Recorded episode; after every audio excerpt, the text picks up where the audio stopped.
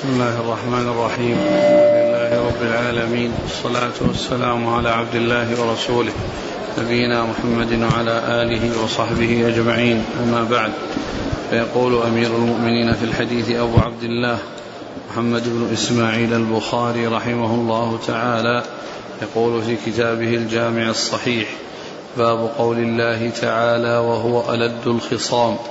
قال حدثنا أبو عاصم عن ابن جريج عن ابن أبي مليكة عن عائشة رضي الله عنها عن النبي صلى الله عليه وآله وسلم أنه قال إن أبغض الرجال إلى الله الالد الخصم.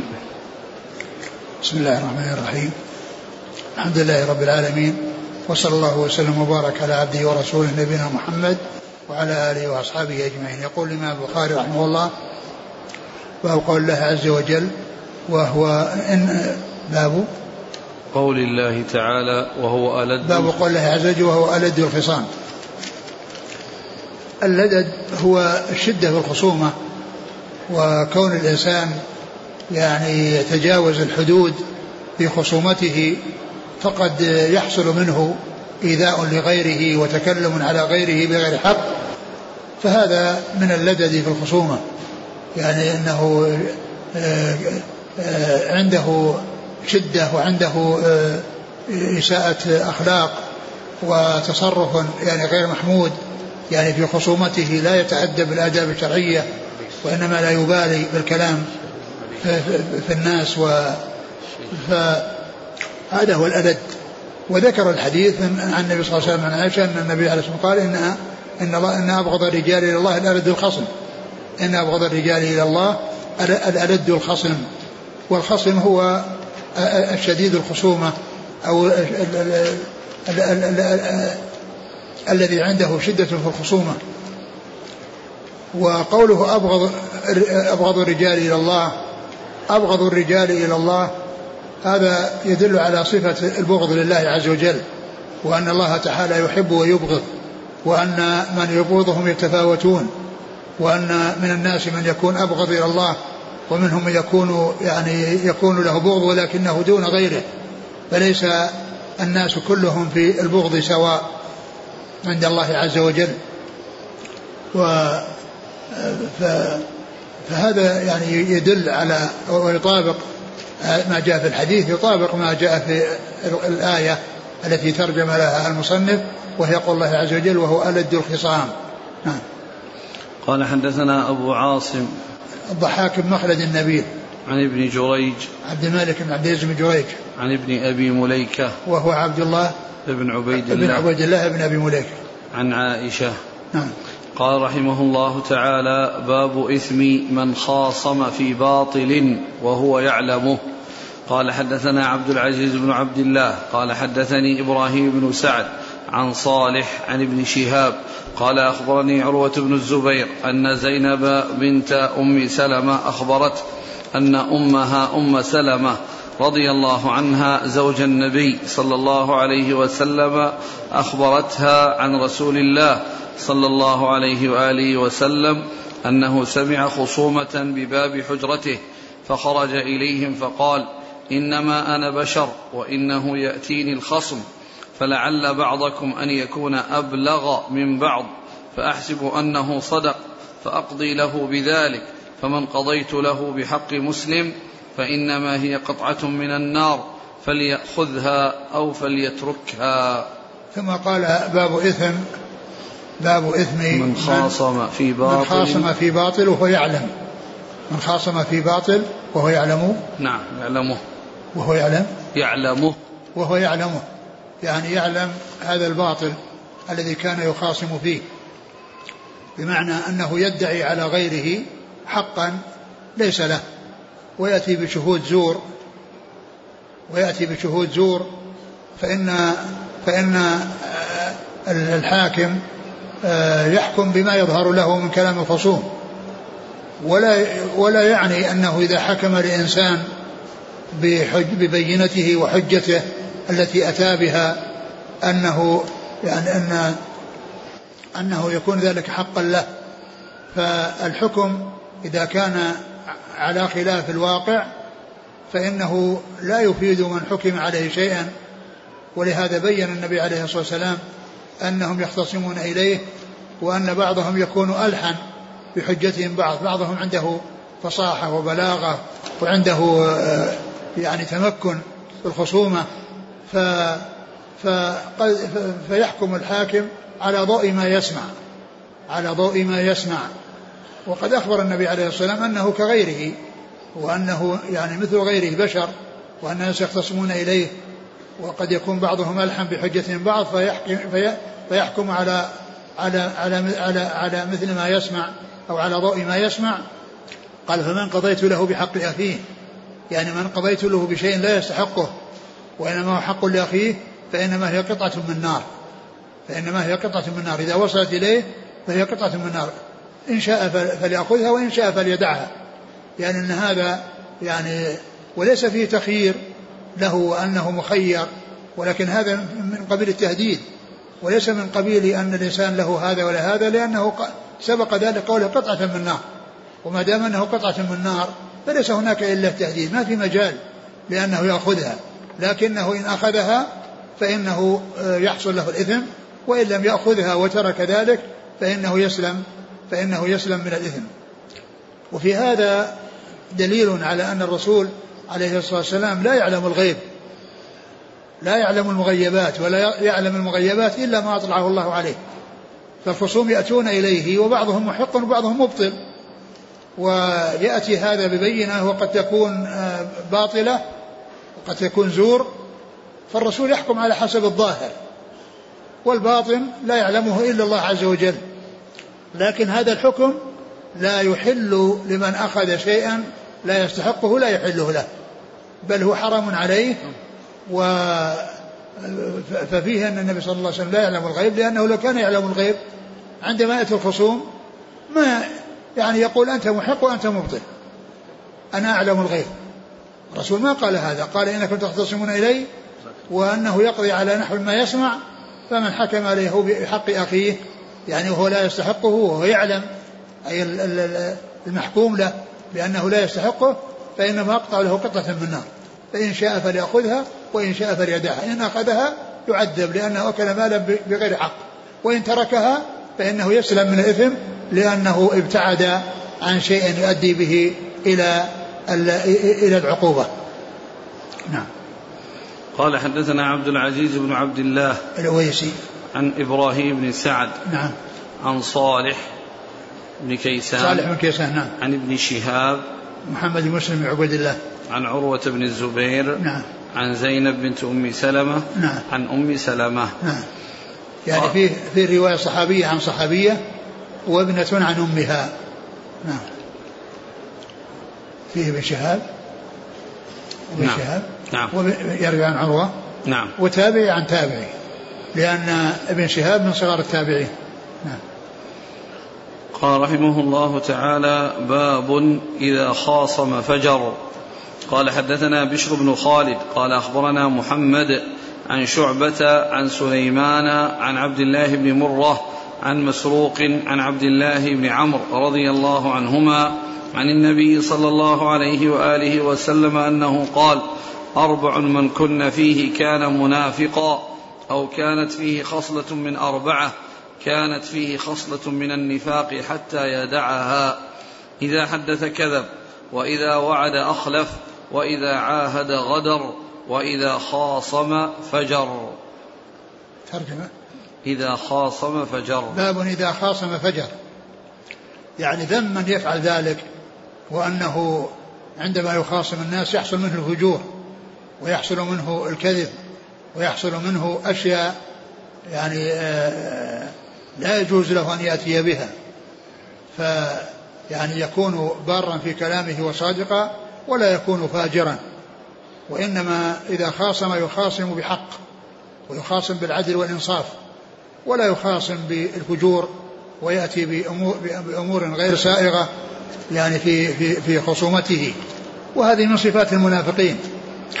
الصفات العملية التي قال عنه الرسول صلى الله عليه وسلم قال أربع من كن فيه كان منافقا. ومن كانت فيه خصلة منهن كانت فيه خصلة من النفاق حتى يدعه.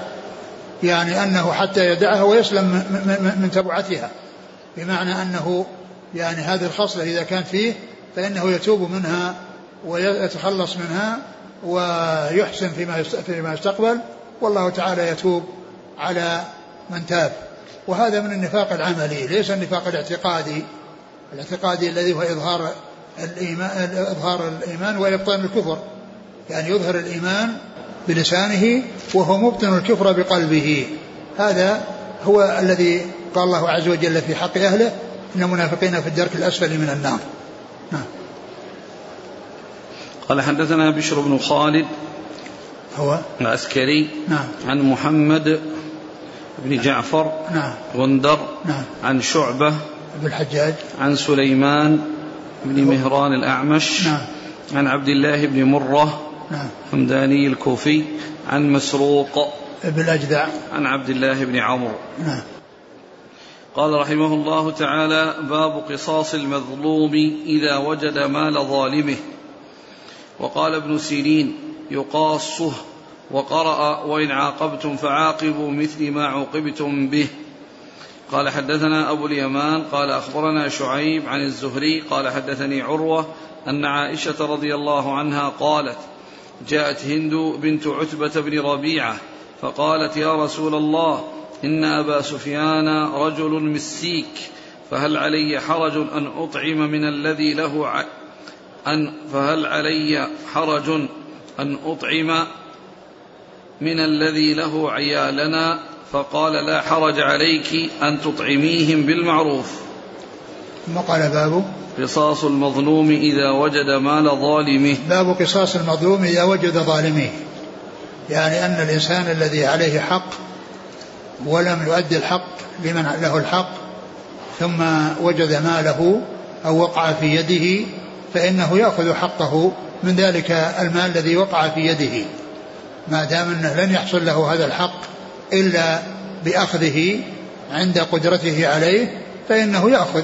وأما إذا كان يعني آآ آآ يعطي ولكنه يعني قد يكون غفل وقد يكون سهى أو نسي فيذكر فيعطي فإن هذا يختلف. وإنما الكلام في الأخذ من من حق من يكون من حق الظالم الذي يكون في يد المظلوم من حق الظالم الذي يكون في يد المظلوم فإنه يأخذ ما يقابل حقه ما يقابل حقه إذا كان معروفا بأن يكون يعني عليه دين مقداره كذا وكذا وقع فيما في يده مبلغ يعني من هذا المال يعني يزيد أو ينقص أو أو, أو يماثل فإن كان يعني ناقصا أخذ مقدار الذي هذا ويبقى الباقي في ذمة في ذمته وإن كان مساويا أخذه وإن كان أكثر من ذلك أعطاه الباقي الذي في يده يعني بعد أن يأخذ حقه. وقد يكون الحق يعني يتعلق بالتقدير وأنه ليس شيئا محددا كما يكون في الديون. كهذا الحديث الذي أورده في حق يعني هند ابنة عتبة زوجة أبي سفيان رضي الله تعالى عنهم أن أنها جاءت الرسول صلى الله عليه وسلم وقالت إن أبا سفيان رجل مسيك يعني معناه أنه يمسك يعني الشيء وأنه يعني خروج الشيء منه في صعوبة وهذا يدل على أن الإنسان إذا تكلم يعني بكلام لا يرضاه من تكلم فيه وكان في غيبته أن هذا من الغيبة المحمودة أنها ليس من الغيبة المذمومة وإنما هذا شيء لأن كون عند عند السفتة أو عند الخصومة كونه يتكلم يعني فيه هذا لا بأس به. وإنما الكلام الغيبة التي لا يكون فيه يعني من حقه أن يتكلم. وأما هذا من حقه لأنه قد مسيك لأنها تريد أن تبني عليه الطلب الذي تريده منه. وأنه كان لا يعطيهم ما ولدها ما يكفيهم. فقال عليه الصلاة والسلام لها أخبرها بأن لها ذلك لكن بالمعروف. يعني ما تبذر ولا تسرف ولا تزيد وإنما تكون يكون بالشيء المعروف. يعني ليس تقصير ولا إسراف بل اعتدال وسط كما قال الله عز وجل والذين إذا أنفقوا لم يسرفوا ولم يقتروا وكان بين ذلك قواما. وهذه مسألة يسمونها مسألة الظفر وهي أن يكون لمن من له حق ظفر بشيء من حق يعني من يعني من من من من من من في ظفر في حق يعني حقه أو أو شيء من من من هذا الذي هو يطالبه ظفر بشيء من ماله ووقع في يده فإن له أن يأخذ حقه قال ابن سيرين يقاصه يقاصه يعني يقاصه يعني يأخذ مقدار حقه. يعني إذا كان أنها آه، حقه قليل أخذ هذا حقه وجد بعض حقه يأخذ هذا البعض ويبقى الباقي عليه في ذمة المدين. وإن كان مساويا أخذه. وإن كان زائدا أعطاه الزائد من الشيء الذي وقع في يده آه، لمن عليه الحق. نعم. قال حدثنا أبو اليمان حكم بن نافع. عن شعيب ابن أبي حمزة. عن الزهري عن عروة عن عائشة. نعم. قال حدثنا عبد الله بن يوسف قال حدثنا الليل قال حدثني يزيد عن أبي الخير عن عقبة بن عامر رضي الله عنه أنه قال قلنا للنبي صلى الله عليه وآله وسلم إنك تبعثنا فننزل بقوم لا, يقر لا يقرونا فما ترى فيه؟ فقال فقال لنا إن نزلتم بقوم فأمر لكم بما ينبغي للضيف فاقبلوا فإن لم يفعلوا فخذوا منهم حق الضيف. ثم ذكر هذا الحديث عن عقبة بن عامر الجهني رضي الله عنه قال إن إنهم يبعثون والرسول يبعثهم في أعمال وأنهم ينزلون ضيوفا على بعض الناس وأنهم لا يقرونهم. فقال إن أعطوكم أو أعطوكم القرى في الشيء الذي تستحقونه خذوه وإلا فإنكم فإنكم. قال فإن نزلتم بقوم فأمر لكم بما ينبغي للضيف فاقبلوا. نعم. فإن لم يفعلوا فخذوا منهم حق الضيف. فخذوا منهم حق الضيف يعني إذا ظفرتم إذا ظفرتم بشيء من, من, من, من, من مالهم. وهذا يعني يدل على أن الضيافة أنها واجبة. لأن لو كانت الأمور مستحبة يعني لو كان من قبيل المستحب ما قيل فيه خذوا منهم حق الضيف يعني بغير إذنهم بغير إذنهم. نعم. قال حدثنا عبد الله بن يوسف التنيس. المصري عن الليث نعم. عن يزيد ابن أبي حبيب. المصري عن نعم. أبي الخير وهو مرتد بن عبد الله اليزني. المصري عن عقبة بن عامر نعم. الجهني نعم. المصري أمير نعم. مصر يعني هذا مسلسل بالاول منه عبد الله بن يوسف نعم كلهم مصريون مسلسل بالمصريين نعم. قال رحمه الله أحيانا يأتي فيما يتعلق بالمسلسل أو بالنسبة يعني التقارب بين مصري وبصري يعني يحصل أحيانا تصحيف فيقال أحيانا في المسلسل بالمصريين يقال بصري أو بصريين أو العكس وقد مر بنا قريبا يعني مثال من هذا وهو أن التصحيف يكون بين آه، المصريين والبصريين لتقارب الحرف الذي هو الباء والميم من حيث الرسم لأنه متفق إلا بحرف واحد يكون فيه الاختلاف نعم. يقول هل يجوز أن أسرق مال رجل أعطيته مالا وما طلني؟ السرقة لا تسرق يعني لا تأتي وتهجم على شيء أو تدخل بيت تأخذ الشيء من حرزه لا تفعل هذا الشيء. لا تفعل هذا الشيء ولكن إذا وقع في يدك يعني أو آه يعني آه وصل إليك يعني آه من أجل أنك توصله إلى فلان أو أنه بأي طريقة وقع في يدك لا لا عن طريق السرقة. ما يكون الإنسان إذا صلح هذا حق فلان يهجم على بيته ويسرقه.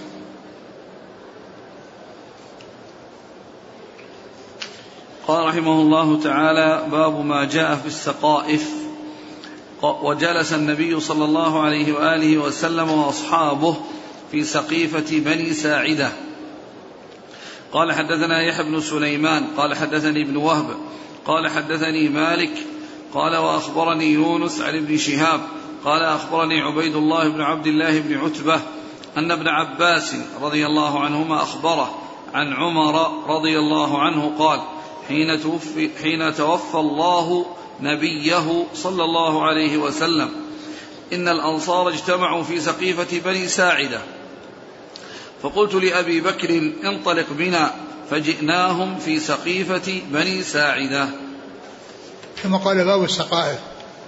والسقائف هي الأماكن التي يسقف وليست يعني بنيانا كالبيوت وإنما هي وإنما هو شيء يسقف يعني يكون يكون بارزا سواء كان متصلا بالبيت من خارجه أو كان في مكان مستقل.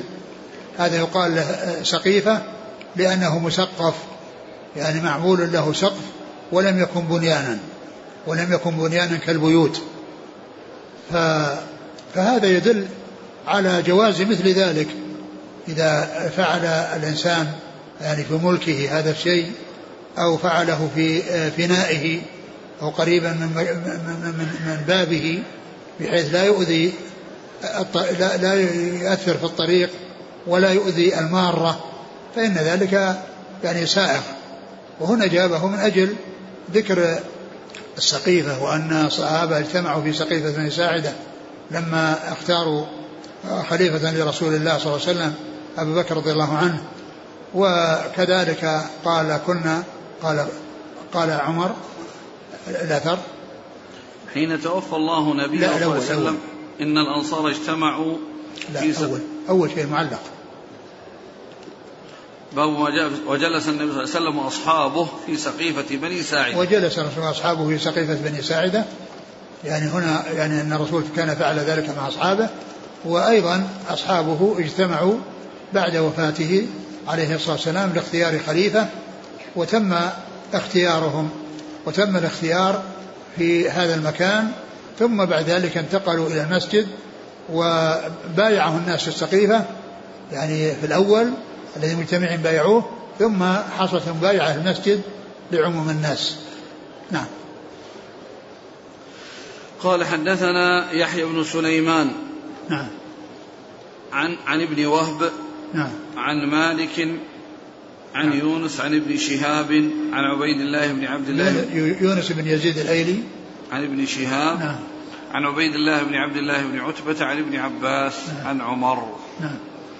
قال رحمه الله تعالى باب لا يمنع جار جاره أن يغرز خشبه في جداره. قال حدثنا عبد الله بن مسلمة عن مالك عن ابن شهاب عن الأعرج عن أبي هريرة رضي الله عنه أن النبي صلى الله عليه وسلم قال لا يمنع جار جاره أن يغرز خشبه في جداره. ثم يقول أبو هريرة رضي الله عنه ما لي أراكم عنها معرضين والله لأرمين بها بين أكتافكم. ثم قال باب لا يمنع جار جاره أن يغرز خشبه في جداره. باب لا يمنع جار جاره أن يمنع خشبه في جداره. يعني إذا كان الإنسان له جار وقد بنى هذا أحد الجارين بنى من قبل وقام الجدار الذي يفصل بينه وبين جاره فإن لذلك الجار أن يغرز خشبه في جداره يعني جدار جاره. وهذا إذا لم يكن يعني يترتب عليه مضرة لصاحب المكان لأنه قد يكون البناء ضعيف وأنه لا يتحمل أن يبنى يعني عليه يعني سقف بجواره وأنه لا يتحمل فعند ذلك لا يسوق. وأما إذا كان آه لا يترتب على ذلك مضرة فإن صاحب الجدار الذي بناه من قبل يسمح لجاره أن يغرز خشبه في جداره. وأولى من ذلك أن كل واحد عندما يبني يبني له آه، جدار خاص لأنه لو حصل انهدام أو حصل هدم فإنه يبقى البيت الثاني سالم من الهدم. أما إذا كان الجدار واحدا فإنه قد يترتب على ذلك أن يسقط. إذا سقط هذا يسقط معه هذا. أما لو وضع شيء فاصل فهذا لا شك أنه هو الأولى كما هو موجود الآن فيما يتخذ من البنيان بأن هذا يكون له جدار يخصه وهذا جدار يخصه فلا يترتب على ذلك مضرة. ولكن الرسول عليه الصلاة والسلام أخبر بأنه إذا كان يعني دعت الحاجة إلى هذا فإنه فإن الجار لا يمنع جاره. اللهم إلا إذا كان سيترتب عليه مضرة لأن الجدار لا يحمل أن يبنى أو لا يتحمل أن يبنى عليه شيء بجواره ثم يعني يكون آه على الجدار من صاحب الملك ومن ومن صاحب ومن الجار. اللهم إلا أن يكون مثلا خشبة يعني تعرض أو تغرز ولا يبنى عليها سقف وإنما يكون يعني يوضع فوقها شيء يعني لا يكون ثقيلا ولا يترتب يترتب عليه حمل. يعني على الجدار يتأثر به ويسقط على صاحبه فهذا لا بأس به. نعم. قال حدثنا عبد الله بن مسلمة. والحديث هذا مطابق الحديث مطابق للترجمة. باب يعني لا يغرز لا يمنع. الترجمة لا يمنع. نعم. أحد لا يمنع جار جاره أن يغرز خشبه في جداره. وهذا الحديث الحديث مثله. يعني فهو مطابق للترجمة. إلا أن فيه قول أبي هريرة التي قالها من عند نفسه ما لي أراكم عنها معرضين والله لأرمين بها بين أكتافكم يعني هذه السنة وهذا الحق الذي ثبت عن رسول الله صلى الله عليه وسلم يعني يخبرهم وكأنه يعني يرى يعني من بعضهم أو من أحد منهم أنه ما حصل شيء من هذا وقد يكون يعني ليس عندهم علم وهو أخبرهم بما عنده من العلم عن رسول الله صلى الله عليه وسلم. قال حدثنا عبد الله بن مسلمة فقع نبي. عن مالك عن ابن شهاب عن الأعرج عبد الرحمن بن هرمز. عن أبي هريرة. نعم. قال رحمه الله تعالى باب صب الخمر في الطريق. قال حدثنا محمد بن عبد الرحيم أبو يحيى. قال أخبرنا عفان. قال حدثنا حماد بن زيد. قال حدثنا ثابت عن أنس رضي الله عنه أنه قال كنت ساقي القوم في منزل أبي طلحة وكان خمرهم يومئذ الفضيخ. فأمر رسول الله صلى الله عليه وسلم مناديا ينادي ألا إن الخمر قد حرمت؟ قال فقال لي أبو طلحة اخرج فأهرقها. فخرجت فأرقتها فجرت في سكك المدينة. فقال بعض القوم قد قتل قوم وهي في بطونهم. فأنزل الله ليس على الذين آمنوا وعملوا الصالحات جناح فيما طعموا الآية. ثم قال باب صب الخمر. في الطريق. باب صب الخمر في الطريق. يعني أن الخمر لما حرمت الصحابة رضي الله عنهم وأرضاهم بادروا إلى التخلص منها بصبها في الطريق.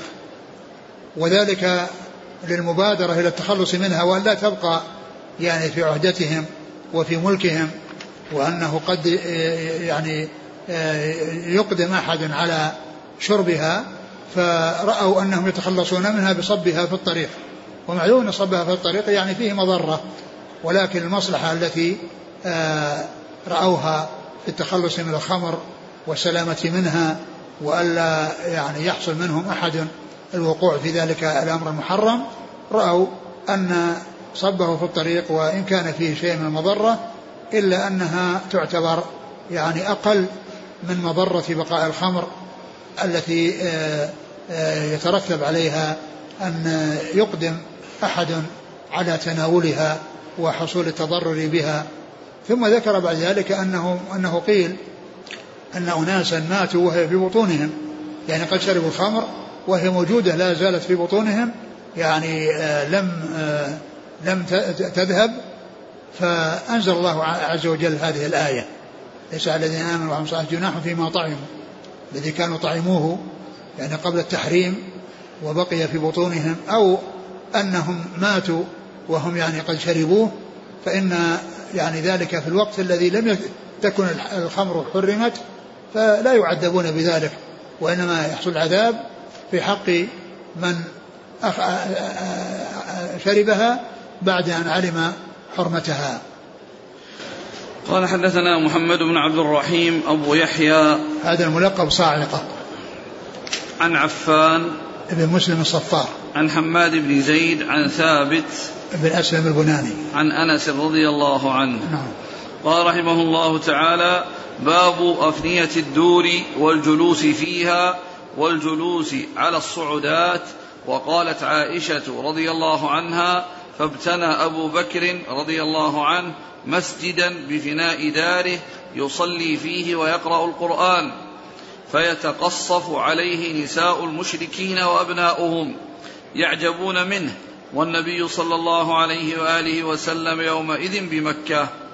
قال حدثنا معاذ بن فضالة قال حدثنا أبو عمر حفص بن ميسرة عن زيد بن أسلم عن عطاء بن يسار عن أبي سعيد الخدري رضي الله عنه عن النبي صلى الله عليه وآله وسلم أنه قال إياكم والجلوس على الطرقات فقالوا ما لنا بد إنما هي مجالسنا نتحدث فيها قال فإذا أبيتم إلا المجالس فأعطوا الطريق حقها قالوا وما حق الطريق؟ قال غض البصر وكف الأذى ورد السلام وأمر بالمعروف ونهي عن المنكر ثم ذكر باب الأفنية. أفنية الدور والجلوس فيها والجلوس على الصعودات. باب أفنية. الدور. والجلوس فيها. نعم. والجلوس على الصعودات. نعم. الأفنية هي الأماكن التي تكون أمام البيوت يعني خالية غير مسقوفة. فهذا قال فينا فلأهل البيوت أن يجلسوا في أفنيتهم وكذلك لغيرهم. أن يجلسوا في الصعودات يعني في الطرق التي آه، يجتمعون فيها. ف الرسول عليه عليه الصلاة والسلام لما سئل يعني عن لما نهى عن آه، عن الجلوس في الطرقات إياكم والجلوس يعني يحذرهم من أن يجلسوا فيها يعني حيث يترتب عليها مضرة. لكنهم لما أخبروا أنهم لا يستغنون عن الجلوس لأنهم يعني يلتقي بعضهم بعض في المجالس وفي الأسواق وأنهم يعني يجتمعون فيها يتحدثون. الرسول عليه الصلاه والسلام أخبرهم بأنهم إذا كانوا آه، يعني لا يستغنون عن ذلك فإن عليهم أن يعطوا الطريق حقه. ويعطى الطريق حقه بينه الرسول عليه السلام بأن قال رد السلام وكف الأذى وغض البصر. وثلاثة قال غض البصر وكف الأذى ورد السلام وأمر بالمعروف ونهي عن المنكر. وأمر بالمعروف ونهي عن المنكر. يعني إذا كان الجلوس يترتب عليه هذه الأمور الطيبة لا بأس به. وإذا كان ما يترتب عليه هذه الأشياء بأن الإنسان يطلق نظره فليس له أن يجلس في الطريق. وليس له أن يجلس في الفناء ما دام أنه سيترتب عليه أنه ينظر إلى الناس. وأما إذا جلس في فنائه وأعطى الطريق حقه أو جلس في طريق عام يعني مثل مثل الأسواق التي الناس يجتمعون فيها ويتحدثون ويعني فإن فإن الإنسان إذا إذا إذا احتاج إلى ذلك عليه أن يعطي الطريق حقه وذلك بأن يكف أذاه من الناس عن الناس وأن يرد السلام على من يسلم وأن يغض البصر عن الناس وأن يأمر معروف وينهى عن المنكر. نعم. قال حدثنا معاذ بن فضالة نعم. عن أبي عمرو عن أبي عمر حفص بن ميسرة نعم. عن زيد بن أسلم عن عطاء بن يسار عن أبي سعيد الخدري. قال رحمه الله تعالى باب الآبار على الطرق إذا لم يتأذى لم يت لم يتأذى بها. قال حدثنا عبد الله بن مسلمة عن مالك عن سمي مولى أبي بكر عن أبي صالح السمان عن أبي هريرة رضي الله عنه أن النبي صلى الله عليه وآله وسلم قال بين رجل بطريق اشتد عليه العطش فوجد بئرا فنزل فيها فشرب ثم خرج فإذا كلب يلهث يأكل الثرى من العطش. فقال الرجل لقد بلغ هذا الكلب من العطش مثل الذي كان بلغ مني فنزل البئر فملا خفه ماء فسقى الكلب فشكر الله له فغفر له. قالوا يا رسول الله وإن لنا في البهائم لأجرا؟ فقال في كل ذات كبد رطبة أجر.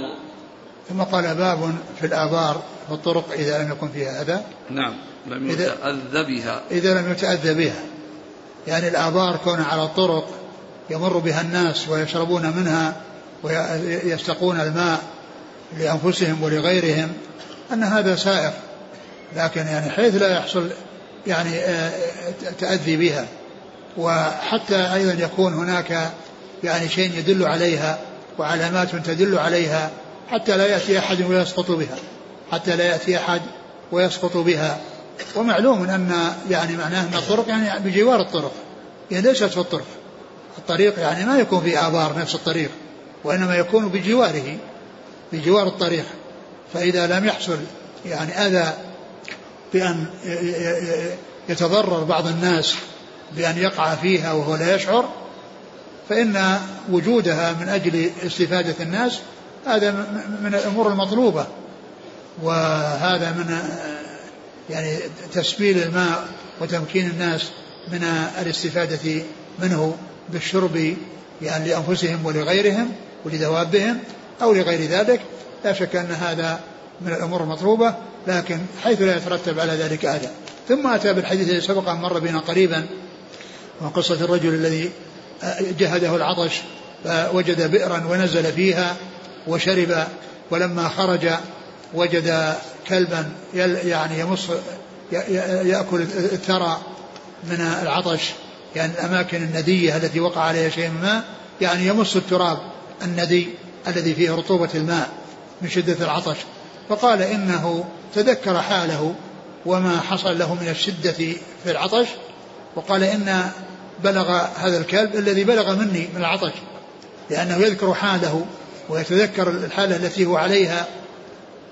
فنزل وأخذ آه، يعني آه، خفه ووضع فيه ماء وجعله في فيه كما سبق أن مر بعض الروايات يعني عضه في فيه لأنه يحتاج إلى الخروج من البئر بيديه. ما يخرج بدون استعمال يديه. فوضع الخف وضع فيه الماء ويعني وضع طرفه في فمه حتى خرج وسقى الكلب و وسقى وسقى الكلب فهناك أورده فيما يتعلق بسقي الماء وفضل سقي الماء وهنا أورده من أجل البئر على الطريق من أجل وجود الآبار على على الطرق. ثم كون الإنسان عندما يعني يرى غيره يعني في شدة وفي حالة عظيمة وقد أنعم الله عز وجل عليه يتذكر الحالة التي يكون فيها يعني حصل له مثل ما حصل لهذا الذي تضرر وهذا الذي احتاج إلى ماء أو غيره فيكون ذلك دافعا له إلى أن يحسن إلى غيره. كما رأى واستشعر حالته هو فإنه آه، آه، يجعله في هذه الحال يعني يتذكر حاجة غيره كما احتاج هو ويعطيه. ولهذا جاء في الصيام أو من حكم الصيام أن الإنسان الذي أغناه الله يجد يعني عندما يصوم العطش ويحس يعني بالتعب الذي يترتب على ذلك فيكون ذلك من الأسباب التي تدفعه إلى أن يحسن إلى غيره ممن يعني يكون صائما في أوقات كثيرة من لقلة ما يأكله. فيكون يتذكر يعني حالته في حال صيامه وفي حال احتياجه إلى الطعام وأن من الناس من لا يجد شيئا يأكله لكونه معدما وليس لكونه صائما يعني النهار وإنما هو آه، متضرر بعدم وجود شيء يأكله. فيكون ذلك يدفعه إلى أن يحسن إلى غيره لأن هذا الرجل قال فبلغ منه الذي بلغ بي تذكر حاله ويعني قاس نفسه على عليه. يعني فقال فأحسن إلى هذا الكلب. نعم. في كل ذات كبد رطبة نعم ثم سألوا قال أولا في البهائم أجر قال في كل ذات كبد رطبة أجر. يعني آه يعني كل ذات كبد رطبة أجر يعني سواء حيوان أو طير أو يعني آه آه أي آه كل كبد رطبة فيها أجر نعم قال حدثنا عبد الله بن مسلمة عن مالك عن سمي مولى أبي بكر. نعم. عن أبي صالح السمان. نعم. عن أبي هريرة. نعم. هنا ذكر رجل. وفي بعض الروايات ليس له مفهوم. الرجل ليس له مفهوم. يعني قصة واحدة التي امرأة من بغي امرأة؟ من بغي. إيش؟ الرواية الثانية. أي نعم نعم نعم. كذلك. قصة واحدة. أي نعم جاء. لا لا هل القصة واحدة. لا ما تصير واحدة لأن هذه امرأة وهذا رجل. قال رحمه الله تعالى باب إماطة الأذى. وقال همام عن أبي هريرة رضي الله عنه عن النبي صلى الله عليه وآله وسلم يميط الأذى عن الطريق صدقة. ثم قال باب إماطة الأذى عن الطريق. باب إماطة الأذى. باب إماطة الأذى يعني عن الطريق بأن يزيله. وينحيه عن طرق الناس لأن هذه صدقة منه على غيره وصدقة منه على نفسه. صدقة على غيره بألا يبقي الأذى في الطريق فيتضرر به المارة. وصدقة منه على نفسه لأنه فعل أمرا معروفا في أمرا أمرا مطلوبا شرعا فيؤجر على ذلك. فإنه هو يحصل أجرا ويحصل ثوابا من الله وغيره يستفيد أنه يعني يسلم من ضرر هذا الأذى الذي في الطريق. نعم. والحديث أشار إليه هو حديث صحيح. يعني آه عن أبي هريرة. هو نعم. نعم. هو حديث. نعم. يميط الأذى عن الطريق صدقة. نعم. هذا الذي حديث كل سلام من الناس عليه صدقة. يعني كذا حديث. هو في الأربعين النووية. رواه مسلم في صحيحه. قال رحمه الله تعالى باب الغرفة والعلية المشرفة وغير المشرفة في السطوح وغيرها. قال حدثنا عبد الله بن محمد قال حدثنا ابن عيينة عن الزهري عن عروة عن أسامة بن زيد رضي الله عنهما أنه قال أشرف النبي صلى الله عليه وسلم على أطم من آطام المدينة ثم قال هل ترون ما أرى مواقع الفتن خلال بيوتكم كمواقع القطر؟ ثم قال باب ما الغرفة والعلية. الغرفة والعلية. المشرفة. والعلية المشرفة. وغير المشرفة في السطوح وغيرها. وغير المشرفة في السطوح وغيرها. الغرفة يعني التي تكون يعني مرتفعة. وكذلك يعني تكون قد تكون مرتفعة ارتفاعا طويل وقد تكون ارتفاعا قصير. قد يكون ذلك في السطوح وغير السطوح. والمقصود من ذلك أن حصول شيء من ذلك أن استعماله إذا لم يحصل ضرر على غيره فإن ذلك سائغ وأنه يعني آه كونه ينظر يعني مع يعني مع آه مع مع المكان الذي يكون في محله على على الشارع لكن بشرط أنه يعني لا يشرف على أحد من الناس في بيوتهم ولا كذلك يؤذي أحدا بأن ينظر إلى أمر لا يجوز أو يلحق ضررا بالمارة فإن ذلك سائر وقد أورد البخاري عدة أحاديث من الحديث الأول أنه أشرف على أطم من اطعام المدينة. نعم. ويعني مكان مرتفع.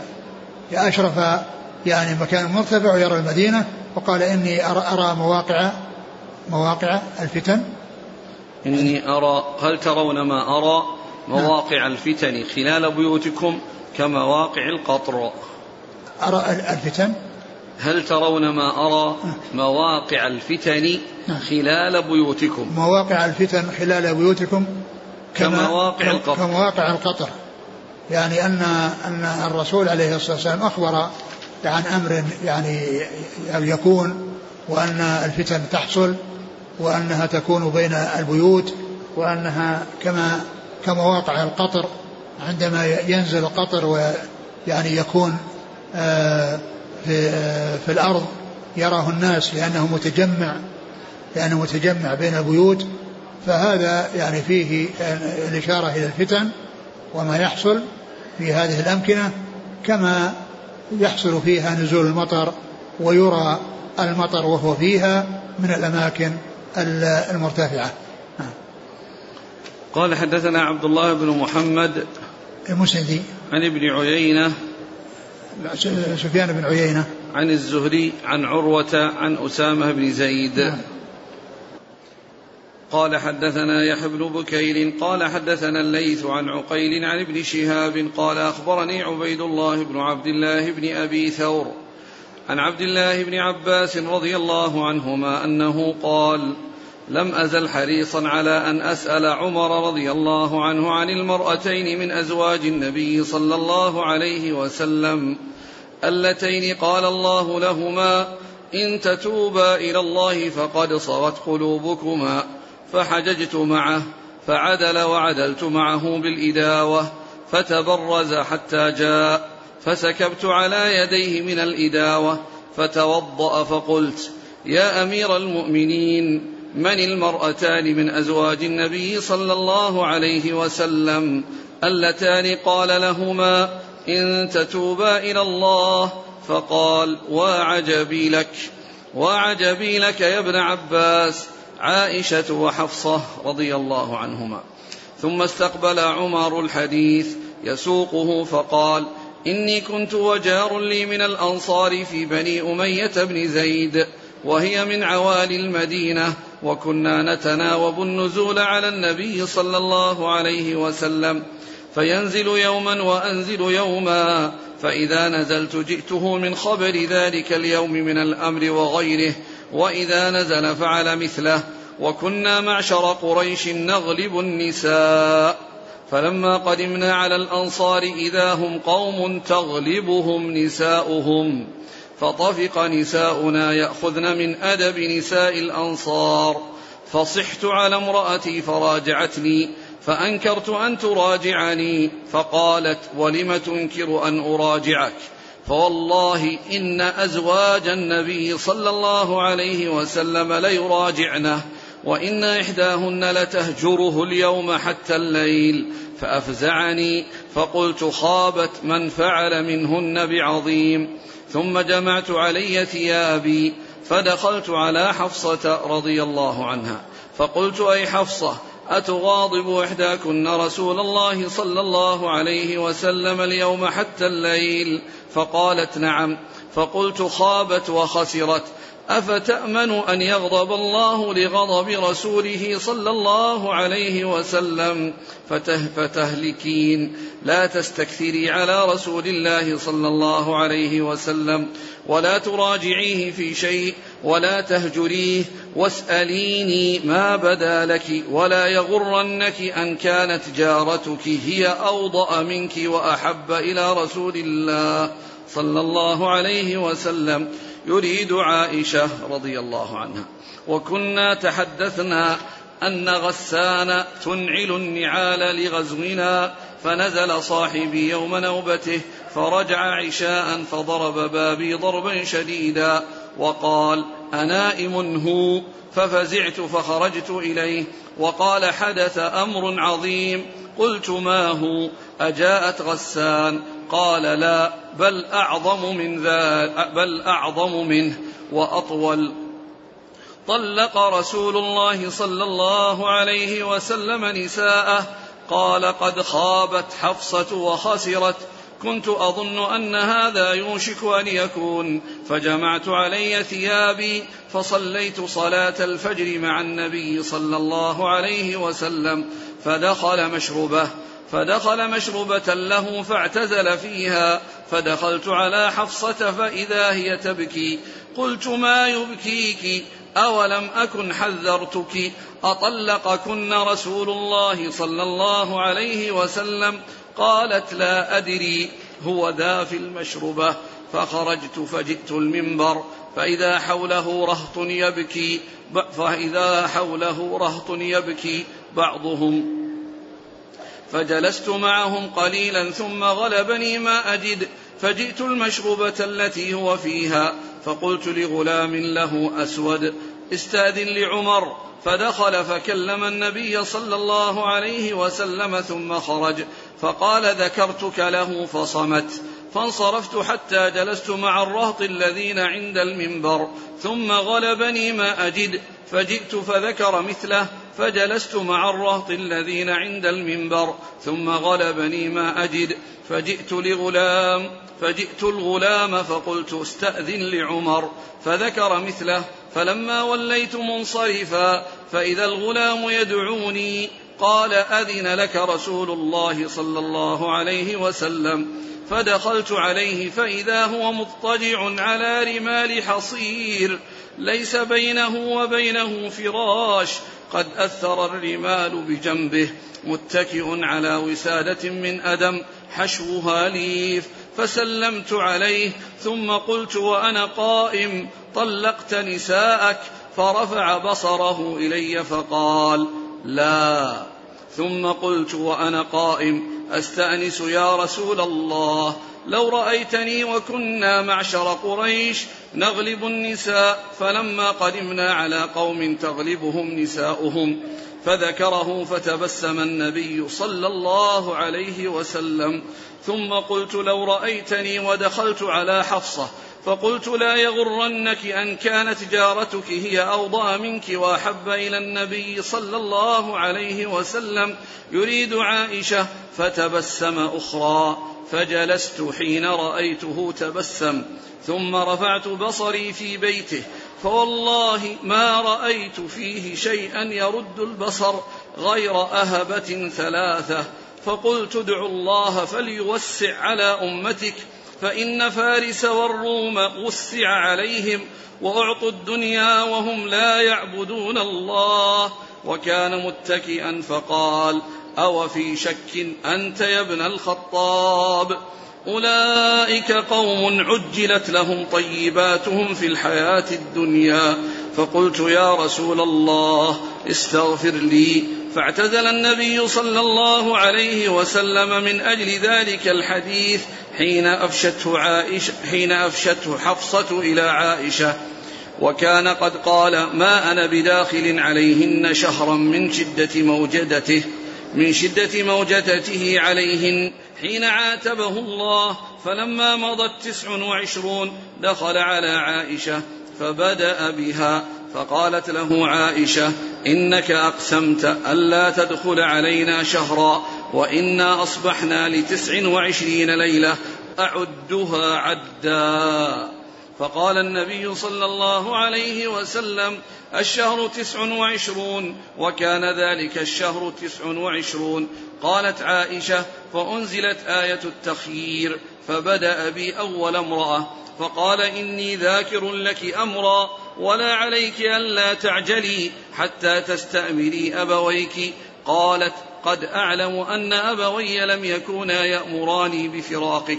ثم قال إن الله قال يا أيها النبي قل لأزواجك إلى قوله عظيما. قلت أفي هذا أست أفي هذا أستأمر أبوي؟ فإني أريد الله ورسوله والدار الآخرة. ثم خير نساءه. فقلن مثل ما قالت عائشة. ثم ذكر هذا الحديث الطويل عن عمر رضي الله تعالى عنه عن ابن عباس عن عمر رضي الله تعالى عنهما. وأورده من أجل المشربة التي جاءت في أثناء الحديث لما اعتزل نساءه جلس فيها. وكان هذا الفعل آه، يعني فهم منه أو ظن أنه طلقهن لما تركهن وجلس في هذا المكان الخاص. لا يأتيهن ولا يدخل عليهن ظن أنه وأشيع أنه طلقهن. وكان هذا آه، مجرد إشاعة وليس له يعني حقيقة. و آه، والحديث أصله أن ابن عباس رضي الله عنه كان يعني يريد أن يسأل, يسأل عمر عن المرأتين اللتين نزل فيهما القرآن. وجاء ذكرهما في سورة التحريم فسافر معه سافر معه في في حجة ولما وفي أثناء الطريق عدل عمر رضي الله عنه عن الطريق إلى يعني مال عن الطريق ليقضي حاجته فمال معه ابن عباس ومعه الإداوة من الماء فقضى حاجته ثم إنه قام و يعني توضأ وابن عباس يصب عليه الماء وسأله في هذه الحالة فأخبره بأنه مع عائشة وحفصة.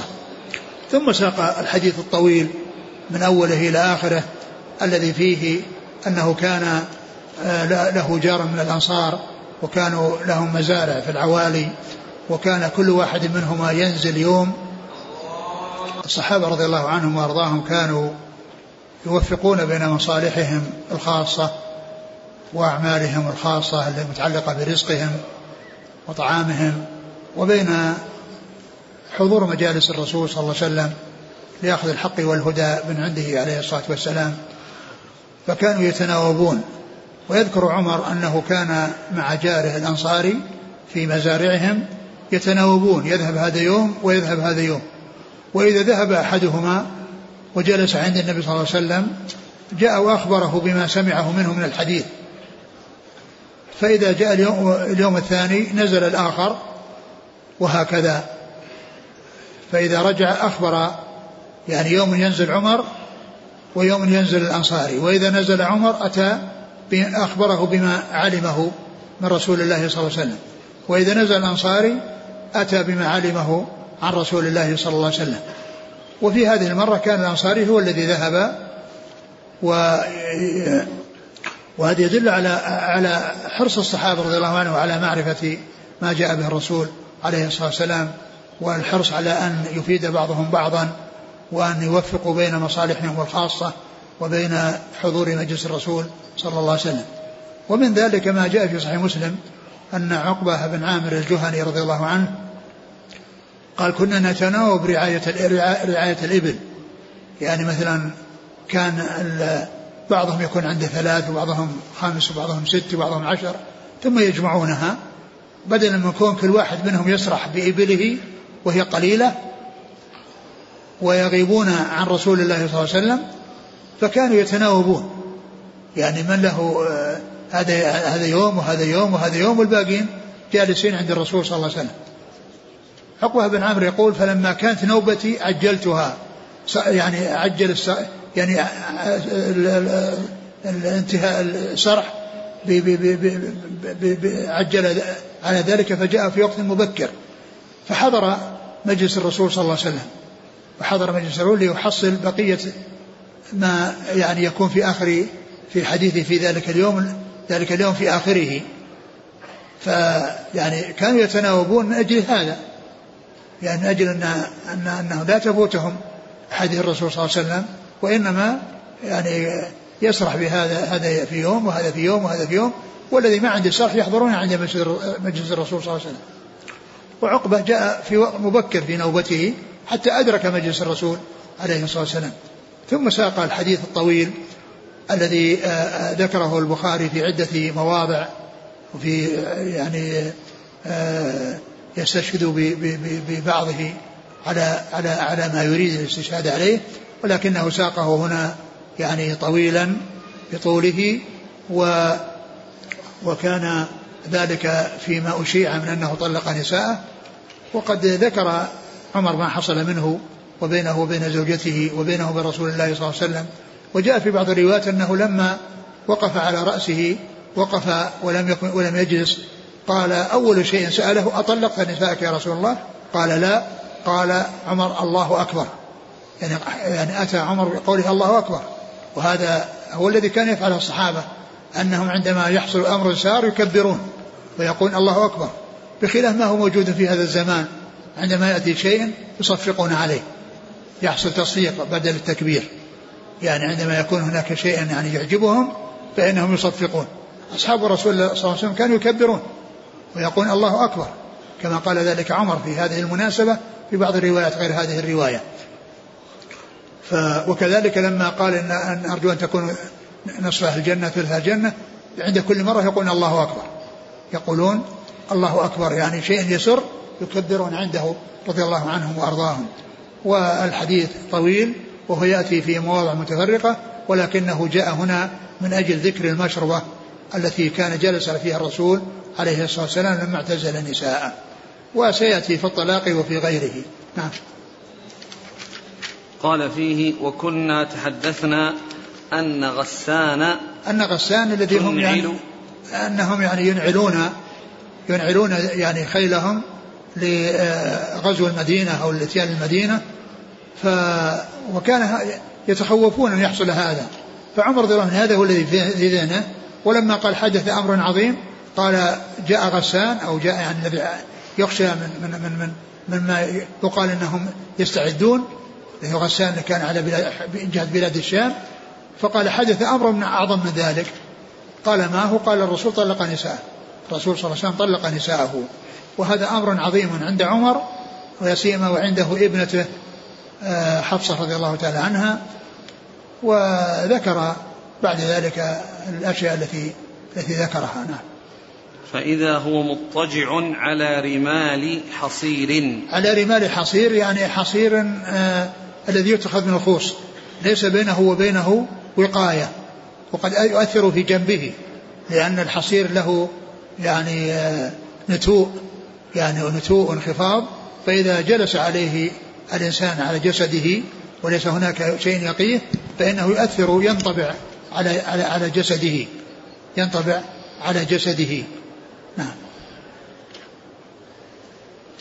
على متكئ على وسادة من أدم حشوها ليف. نعم أدم اللي هو الجلد.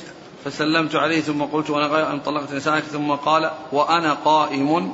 قلت وأنا قائم. يعني ما جلس. أستأنس يا رسول الله. هذا بعد ما قال له لا أتى بكلام يتكلم فيه وهو قائم يؤنس به الرسول صلى الله عليه وسلم ويستأنس معه حتى تبسم مرتين. جاب له قصتين تبسم فيها مرتين. وعندما وجد الرسول صلى الله عليه وسلم تبسم جلس ونظر وإذا ما فيه إلا جلود يعني في المكان الذي هو فيه جلود معلقة ثلاثة فقال إن فارس والروم يعني يتمتعون وينعمون ولو سألت الله عز وجل أن يحصل لنا من الخير وكذا فالرسول عليه الصلاة والسلام قال إن هؤلاء عجزت لهم طيباتهم في حياتهم في حياتهم الدنيا. قال حدثنا يحيى بن بكير عن الليث عن عقيل ابن عقيل ابن خالد بن عقيل عن ابن شهاب نعم. عن عبيد الله بن عبد الله بن أبي ثور نعم. عن عبد الله بن عباس نعم. عن عمر. رضي الله عنه قال حدثنا محمد قال حدثنا ابن سلام قال حدثنا الفزاري عن حميد الطويل عن أنس رضي الله عنه قال آلى رسول الله صلى الله عليه وسلم من نسائه شهرا وكانت انفكت قدمه فجلس في علية له فجاء عمر فقال أطلقت نساءك؟ قال لا ولكني آليت منهن شهرا. فمكث تسع, تسعا وعشرين ثم نزل فدخل على نسائه.